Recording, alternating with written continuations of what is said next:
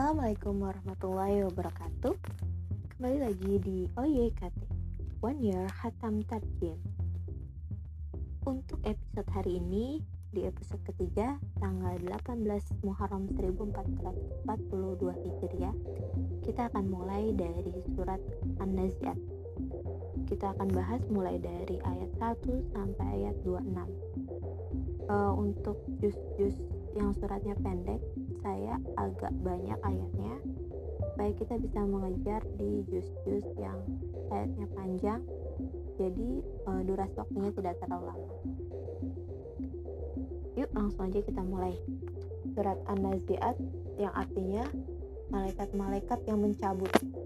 Surat ini merupakan surat Makkiyah surat ke-79 dengan 46 ayat Aku berlindung kepada Allah dari godaan setan yang terkutuk. Dengan nama Allah yang Maha Pengasih, Maha Penyayang. Ayat 1 sampai ayat 14 menjelaskan tentang penegasan hari kebangkitan kepada orang musyrik. Ayat 1 Demi malaikat yang mencabut nyawa dengan keras ayat 2 demi malaikat yang mencabut nyawa dengan lemah lembut. Yang ketiga, demi malaikat yang turun dari langit dengan cepat. Ayat keempat, dan malaikat yang mendahului dengan kencang. Ayat kelima, dan malaikat yang mengatur urusan dunia. Maksudnya di sini para mufasir mempunyai pendapat yang berbeda tentang maksud dalam ayat 1 sampai 5. Allah itu bersumpah dengan malaikat-malaikat yang bermacam-macam sifat dan urusannya bahwa manusia akan dibangkitkan pada hari kiamat. Sebagian mufasir juga berpendapat bahwa dalam ayat-ayat ini kecuali ayat 5 Allah bersumpah dengan bintang-bintang. Kemudian ayat 6 Sungguh kamu akan dibangkitkan pada hari ketika tiupan pertama mengguncang Ayat ketujuh, tiupan pertama itu diiringi oleh tiupan kedua. Ayat delapan, hati manusia pada waktu itu merasa sangat takut. Ayat sembilan, pandangannya tunduk. Ayat ke-10, orang-orang kafir berkata, apakah kita benar-benar akan dikembalikan kepada kehidupan yang semula? Jadi, setelah orang-orang kafir mendengar adanya hari kebangkitan setelah mati, mereka merasa heran dan mengejek sebab menurut keyakinan mereka tidak ada hari kebangkitan itu. Itulah sebabnya mereka bertanya.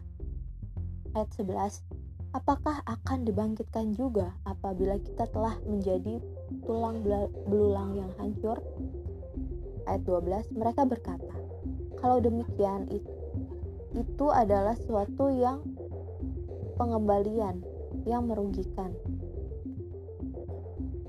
Ayat 13 Maka pengembalian itu hanyalah dengan sekali tiupan saja. Ayat 14 Maka seketika itu mereka hidup kembali di bumi yang baru. Fadilah dari ayat 1 sampai 14 ini di antara tugas para malaikat adalah pencabut nyawa. Mereka akan mencabut nyawa orang-orang kafir dengan keras dan kasar, sedangkan terhadap orang-orang mukmin mencabutnya dengan lemah lembut. Dan ada pula malaikat-malaikat yang turun dari langit dan naik kembali dengan cepat membawa arwah orang-orang yang beriman ke surga. Ada pula malaikat-malaikat yang naik turun mengatur urusan dunia. Dijelaskan pula tentang tiupan malaikat Israfil yang menguncangkan segala sesuatu sehingga membinasakan seluruh umat manusia. Kemudian, pada tiupan yang kedua, mereka bangkit hidup kembali untuk menghadapi hari perhitungan. Jalaluddin Astuyuti dan Jalaluddin Al-Mahali dalam tafsir Jalalain ayat 5, halaman 583 sampai 584. Untuk ayat 15 sampai ayat 26 ini mengisahkan tentang kisah Nabi Musa dan Fir'aun sebagai hiburan bagi Nabi Muhammad Shallallahu Alaihi Wasallam. Ayat 15, Sudahkah sampai kepadamu Muhammad kisah Musa Ayat 16, ketika Tuhan memanggilnya Musa di lembah suci yaitu lembah tua. Ayat 17, pergilah engkau kepada Fir'aun, sungguhnya dia telah melampaui batas.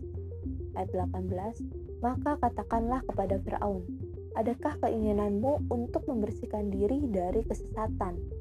Ayat 19, dan engkau akan kupimpin ke jalan Tuhanmu agar engkau takut kepadanya ayat 20. Lalu Musa memperlihatkan kepadanya mukjizat yang besar. Ayat 21. Tetapi dia Fir'aun mendustakan dan mendurhakai. Ayat 22. Kemudian dia berpaling seraya berusaha menentang Musa. Ayat 23. Kemudian dia mengumpulkan pembesar-pembesarnya, lalu berseru memanggil kaumnya. Ayat 24. Seraya berkata, Akulah Tuhanmu yang paling tinggi. Ayat 25 maka Allah menghukumnya dengan azab di akhirat dan siksaan di dunia. Ayat 26. Sungguh, pada yang demikian itu terdapat pelajaran bagi orang yang takut kepada Allah. Mungkin cukup sekian terjemahan dari hari ini. Eh, semoga bisa bermanfaat untuk teman-teman semuanya. Assalamualaikum warahmatullahi wabarakatuh.